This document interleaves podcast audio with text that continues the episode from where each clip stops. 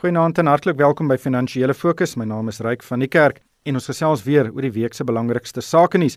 Eben Maree, hoof van vaste inkomste by Absa Batebestuur, is saam met my in die ateljee. Goeienaand Eben. Hallo Ryk. En dit uh, Stellenbosch gesels Rikus Nel, hy's 'n finansiële raadgewer by PSG. Goeienaand Rikus. Uh, goeienaand Ryk, goeienaand Eben en ons luisteraars. Eben, kom ons begin by die inflasiekoers. Uh, dis natuurlik een van ons belangrikste ekonomiese aanwysers. Ons het nou in November gesien dit het uh, effens gestyg van 5,1% tot 5,2% en dis steeds binne die regering se inflasieteiken van tussen 3 en 6%. Dit is effens aan die bokant van die teiken. Ons het nou al van jaar 1 rentekoersverhoging gesien, hoewel dit 'n bietjie van 'n omstrede ene was. Is jy bekommerd oor die inflasiekoers en die impak wat dit op rentekoerse kan hê? Ryk, ek dink die Reserwebank was baie duidelik gewees hierdie jaar dat hulle wil die inflasiekoers by 4.5% hê. So die bekommernis wat ons behoort te hê is om te sê dat mense se in die algemeen die inflasieverwagtinge is nog steeds hoër as dit. So die Reserwebank wil dit afbring. En ek dink dit is dit is 'n goeie uh, objektief want die punt van die saak is ons van ons grootste handelsvennote ook ontleikende markte se inflasie is struktureel laag. So ons moet beoog om dit laer te kry. Wat egter baie belangrik is is die ekonomie is so swak. Die enigste ding wat die inflasie opgedryf het hierdie jaar was die petrolprys wat of die brandstofprys wat hoër was. So dit is, is op 'n strukturele basis is dat is, is ek nie bekommerd nie. Die Reserwebank is meer bekommerd oor tweede ronde effekte. Met ander woorde, wat gebeur nou omdat die petrolprys hoër gaan en en en daai tipe van ding. Maar struktureel dink ek jy kan sien hoe swak is die ekonomie omdat die brand die die, die inflasiekoers so laag gebly het ten spyte van alles. Rikus, ek dink dis juist die punt. Die inflasie styg weens uh, produksiefaktore. Dit het niks met verbruikers te doen nie. En om rentekoerse te verhoog, slaan verbruikers baie harder as uh, die strukturele probleme waarna Eben verwys het soos die petrolprys want dit het geen invloed op die brandstofprys nie. Ek ek sien nie saam uh, ryk ek dink wat belangrik is ek dink tog uh, ou moet ek kennis gee dat die die inflasiekoers is hoër of behoort hoër te wees as gevolg van die oliepryse se stygings hierso in September en, en Oktober sedertdien is daai prys uh, basies 30% uh, laer. Uh, maar ons moet ook te kenne gee dat 4.5% is 'n hele end weg van waar ons op die oomblik is. In terme van die van die rentekoers uh, verhogings, ek dink my interpretasie van die monetêre beleidskomitee is hulle probeer ook uh so 'n bietjie voor die kurwe wees uh met met rentekoersverhogings. Uh maar ek dink jy is reg. Uh, hulle moet versigtig wees uh dat hulle nie deur die rentekoersverhogings ekonomiese uh groei wat ons so brood nodig het op die oomblik uh jy weet uh, kniehalte nie. Uh En uh maar die syfers lyk beter aan daai kant ook. Ek dink ons moet net uh jy weet saam saam met hierdie hele pakkie dink ook wat het met die rand gebeur die laaste 12 maande. Ek dink dit het bygedra natuurlik met invoere en insetkoste en goed ook aan die inflasie kant in terme van byvoorbeeld iets soos tegnologie wat van homself uh, heel jy weet heel moontlik ingevoer word. Uh maar ons ons mynbou lyk beter, ons vervaardiging lyk beter. Ehm um, so ek dink daar kan uh, jy weet beter syfers op die tafel kom uh en en en daartoe bydra dat ons 'n beter rand sien met met beter en verhoogde uitvoere. En en ek dink dit kan ons uh ondersteun vir 'n laer inflasiekoers uh, vorentoe. Ja, eben, mens moet ook nou nie perspektief verloor nie. Uh rentekoerse in Suid-Afrika op die oomblik is uh, ver onder die vlakke wat ons in die verlede gesien het. Dit is eintlik nog relatief laag. Absoluut. Absoluut. So ek dink wat wat wat belangrik is, soos Rikus en jy sê, uh dit dit gaan nie so oor oor oor oor groei ook, maar wat baie belangrik is hierso is is is 'n mens moet ook in ag neem dat hier dit gaan hier oor die integriteit van ons finansiële stelsel en dit is wat die Reserwebank pro, probeer versterk. En deur die moeilike paar jaar wat ons was, het hulle baie sterk hierso uh vir ons uh onderlê met die feit dat ons gesê het ons gaan nie laat inflasie weghardloop nie. In Suid-Afrika sit ons met die probleem struktureel dat ons baie administratiewe inflasie het en dit is daai verwagting wat die unies byvoorbeeld maak dat hulle hoër en hoër die heeltyd beding vir vir vir vir, vir arbeidskoste. So ons probeer dit struktureel laer kry. So dit is wat in die agtergrond gebeur wat die Reserwebank pro, probeer regkry. Rikus in Amerika lyk like die prentjie 'n bietjie anders. Hulle het ook uh, hierdie week aangekondig dat uh, in November het die Amerikaanse inflasiekoers tot 2,2% uh, gedaal. Uh, dis uh, basies 'n uh, derde van 'n persentasiepunt laer as in Oktober. En sommige mense sê dit kan verdere Amerikaanse rentekoersverhogings se se handrem aandraai en die hulle stygingssiklus uh, vertraag en dit kan natuurlik 'n groot impak op die res van die wêreld hê en ook Suid-Afrikaanse rentekoerse. Ja, Ryk, ek dink hierdie hierdie tema van lae rentekoerse vir langer is nou vir baie lank tyd al op ons, uh, jy weet, op ons horison. Uh, daar is ek wou net sê momente of oomblikke waar dit anders te lyk en federale reservebanke uitkom en en en, en skerper uh, rentekoersverhogings aankondig en dan wil ek amper sê is al weer data wat uitkom en hulle, hulle neem 'n baie neutraler wys uh, jy weet uh, posisie in. Die inflasiekoers vir die FSA lyk vir my vir die jaar tot datum is tussen 2 en uh, 2.1 en 2.9% so hy is af van Junie en Julie uh, af en en uh, weet weer eens van 'n van 'n sentrale uh, bank perspektief uh behoort hulle tog ook uh jy weet hulle besluite te hê om hulle ekonomie te probeer ondersteun, die hele stelsel te te, te probeer beskerm. As ek hoor uh, of ek sien Trump uh jy weet wou amper sê dring daarop aan dat daar nie verdere rentekoersverhogings is vir die vir die komende uh maand nie alhoewel die mark dit nog steeds verwag. En dan uh, nog steeds vir vir die volgende jaar word daar lyk dit my drie verhogings uh jy weet relatief ingeprys. So ek ek dink net hierdie is korter termyn uh, momente en en gaan wissel volgens wat die ehm um, soos wat die data uitkom maar ek dink nie dit ontwrig regtig uh jy weet die wyse oor hoe ons dink oor oor medium tot langer termyn uh, belegging nie. Ek dink wat belangrik is is om te besin en te sê maar rentekoerse is steeds op op uh rekordlae uh, plekke of punte uh, wêreldwyd. En ek dink die langer termyn beplanning behoort te wees dat hierdie koerse sal opgaan. Eben, kom ons gesels oor 'n sepie wat homself uitspeel. En die twee sterre van hierdie sepie is twee baie uitgesproke individue.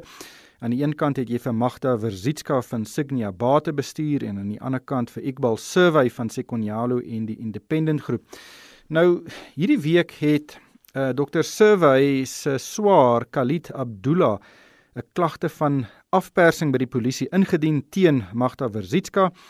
Hy beweer dat uh, sy het hom genader om sy belang in Signia uit te koop en sy het gesê dat indien hy dit nie verkoop aan haar nie, gaan sy aanhou om negatiewe artikels oor die uh, hele Sekonyalo groep AEEI, dis Abdullah se besigheid en ook IO Technology skryf en uh, hy het nie daarvan gehou nie en hy het nou hierdie klag van afpersing gelê.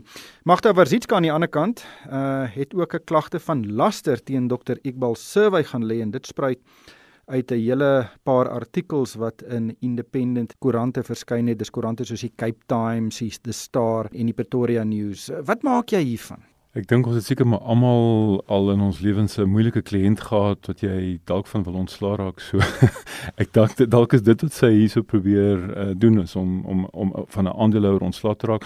In in die moderne kapitaalstelsel sit 'n mens, jy weet, mense koop aandele, mense verkoop aandele uh hopelik teen teen teen die regte pryse. Die die, die aandeel jy weet hulle het Signia as gelys nou so 3 jaar terug.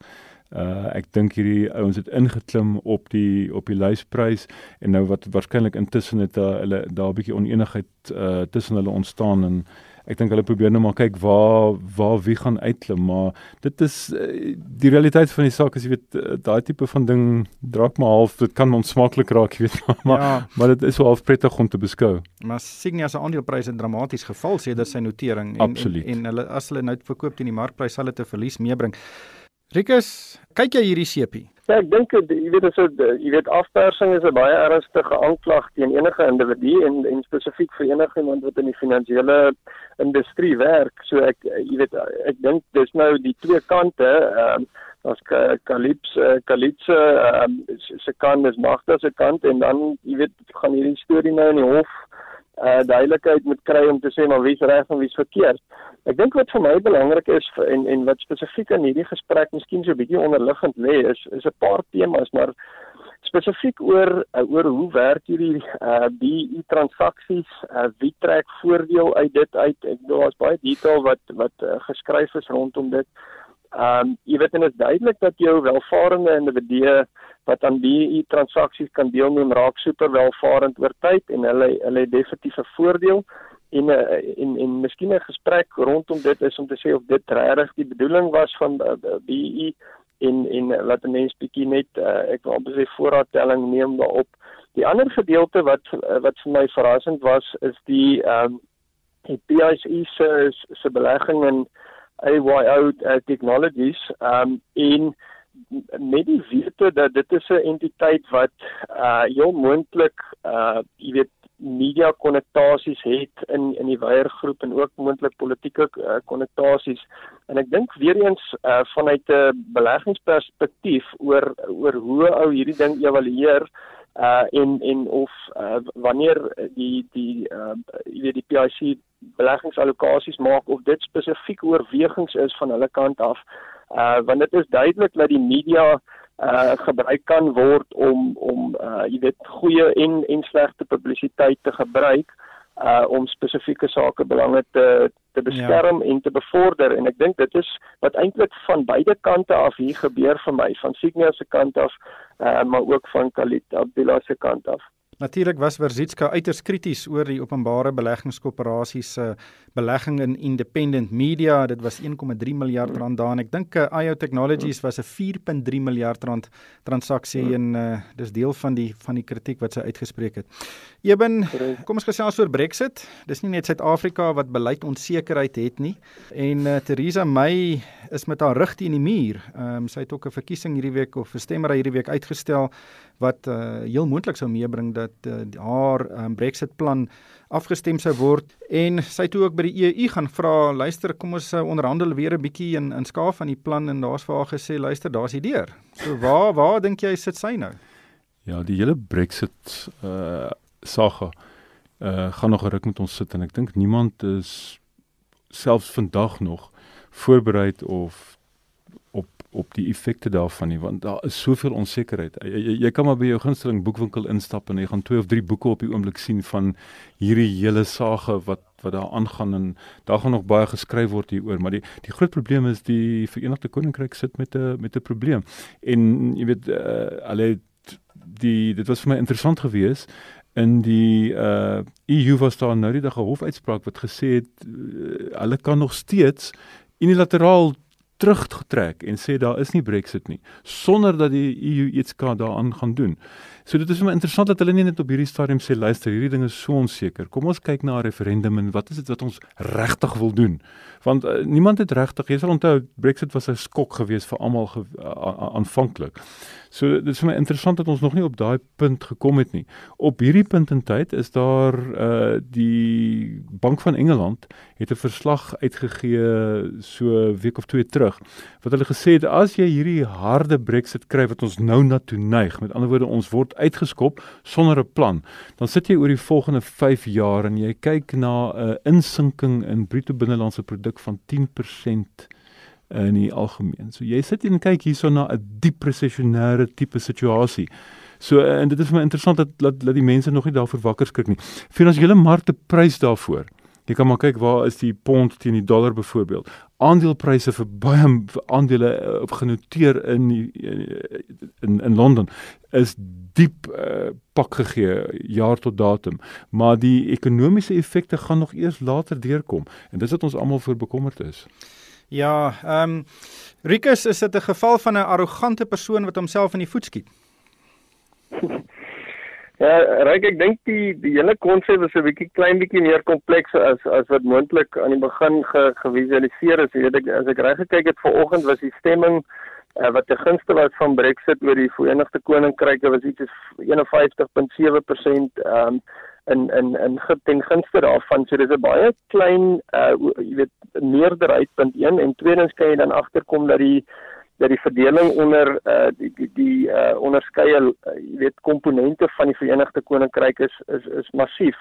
Maar ek uh, so so ek dink daar is daar's daar's uh, ook die komponent waar of die oorweging waar hulle is nou al so so jy weet lank end in die pad af uh, dat dit baie moeilik om jy weet om te draai en en want iemand gaan definitief jy weet eier op hulle gesig hê en en basies gesig verloor of 'n vuis verloor as hulle weer so 'n referendum uh sou sou sou sou instel. Ek ek persoonlik ehm um, wonder of dit nog steeds beter is as hulle nie kan ooreenkom op 'n plan om dit wel te doen nie want ek ek jy weet sit jouself in die in die skoene van 'n maatskappy wat uh, kom ons sê in in die Verenigde Koninkryk uh jy weet operasioneel is. Daai besighede uh, word bestuur teenoor sekere begrotings elke liewe lyn uh, op op op daai inkomste staat raak basies onseker sonder uh, sonder 'n plan Uh, jy sit met verkope syfers wat bedenklik of verdenk uh, onder verdenking gaan wees. Jy gaan koste van verkope ja. syfers hê. Jy gaan jou winste kan kan bereken nie. Jy gaan wisselkoersverskille hê wat jy nie gaan weet wat dit is nie. Jou jou logistieke roetes gaan verander. Uh, ek ek dink die hoeveelheid onsekerheid wat uh, ongeag van watter tipe besigheid dit is, is net absoluut massief. En dan dan het mense nog nie eens gaan kyk na uh jou indiensneming van hoeveel mense gaan moontlik mag sk moet moet skuif wat is die koste daaraan verbonde dit is 'n massiewe tema ja. en en ek sou voorstel ehm um, ook jy weet as as daar nie duidelikheid rondom hierdie goed gekry kan word nie uh om moontlik so 'n referendum te oorweeg. Jy ben net laastens almal kyk na die moontlike gevolge vir Brittanje Wat dink jy kan die gevolge wees vir die Europese Unie want Brittanje is een van hulle grootste uh, lede tans en as daar 'n harde Brexit is, gaan die EU ook gevolge dra. Ons sit op 'n breër basis dink ek is interessant is interessante tye wat ons in lewe want jy sit met hierdie populisme wat oral maar deur skemer. In Italië byvoorbeeld sit jy met hierdie met wat wat wat daar gebeur en in die hele Euroland sit ons maar met 'n klomp onsekerheid en uh ek dink 'n mens kan hierdie goeters ekstrapoleer maar uh Duitsland byvoorbeeld nou is in, in 'n resessie. So daai hele deel van die van die aardbol is nie in 'n noodwendig in 'n fantastiese spasie op die oomblik nie. So ek dink dit dit dit dit, dit, sit ons almal onder druk want onthou net die Verenigde Koninkryk en Europa is ons grootste handelsvernoot. Nie Amerika nie. En uh ons praat heeltyd van die dollar, maar dit is maar hoe ons verhandel, maar ons grootste vennote is daar. So dit is dit is iets wat 'n impak het op ons. Jy weet of ons daarvan hou of nie. Ja. Groter as wat ons wil hê. En ek dink dit kan miskien vir Suid-Afrika baat indien daar 'n Brexit is want ons kan dan meer produkte soontoe uitvoer. Ek dink jy is heeltemal reg. Jy weet ons ons doen op die oomblik as ek die syfers reg het so ongeveer 10% invoere uitvoere na die Verenigde Koninkryk toe. So as hulle nou ewesklik nie meer met mekaar verhandel nie, dan is daar geleentheid dalk vir ons. Jy is heeltemal reg. Sal maar moet wag en kyk. Ongelukkig het die tyd ons ingehaal. Baie dankie aan Eben Maria, hy is die hoof van vaste inkomste by Absa Batebestuur en Rikus Nel, hy's 'n finansiële raadgewer by PSG. En vir myself Ryk van die Kerk, dankie vir die saamluister en ek koop almal 'n winsgewende week.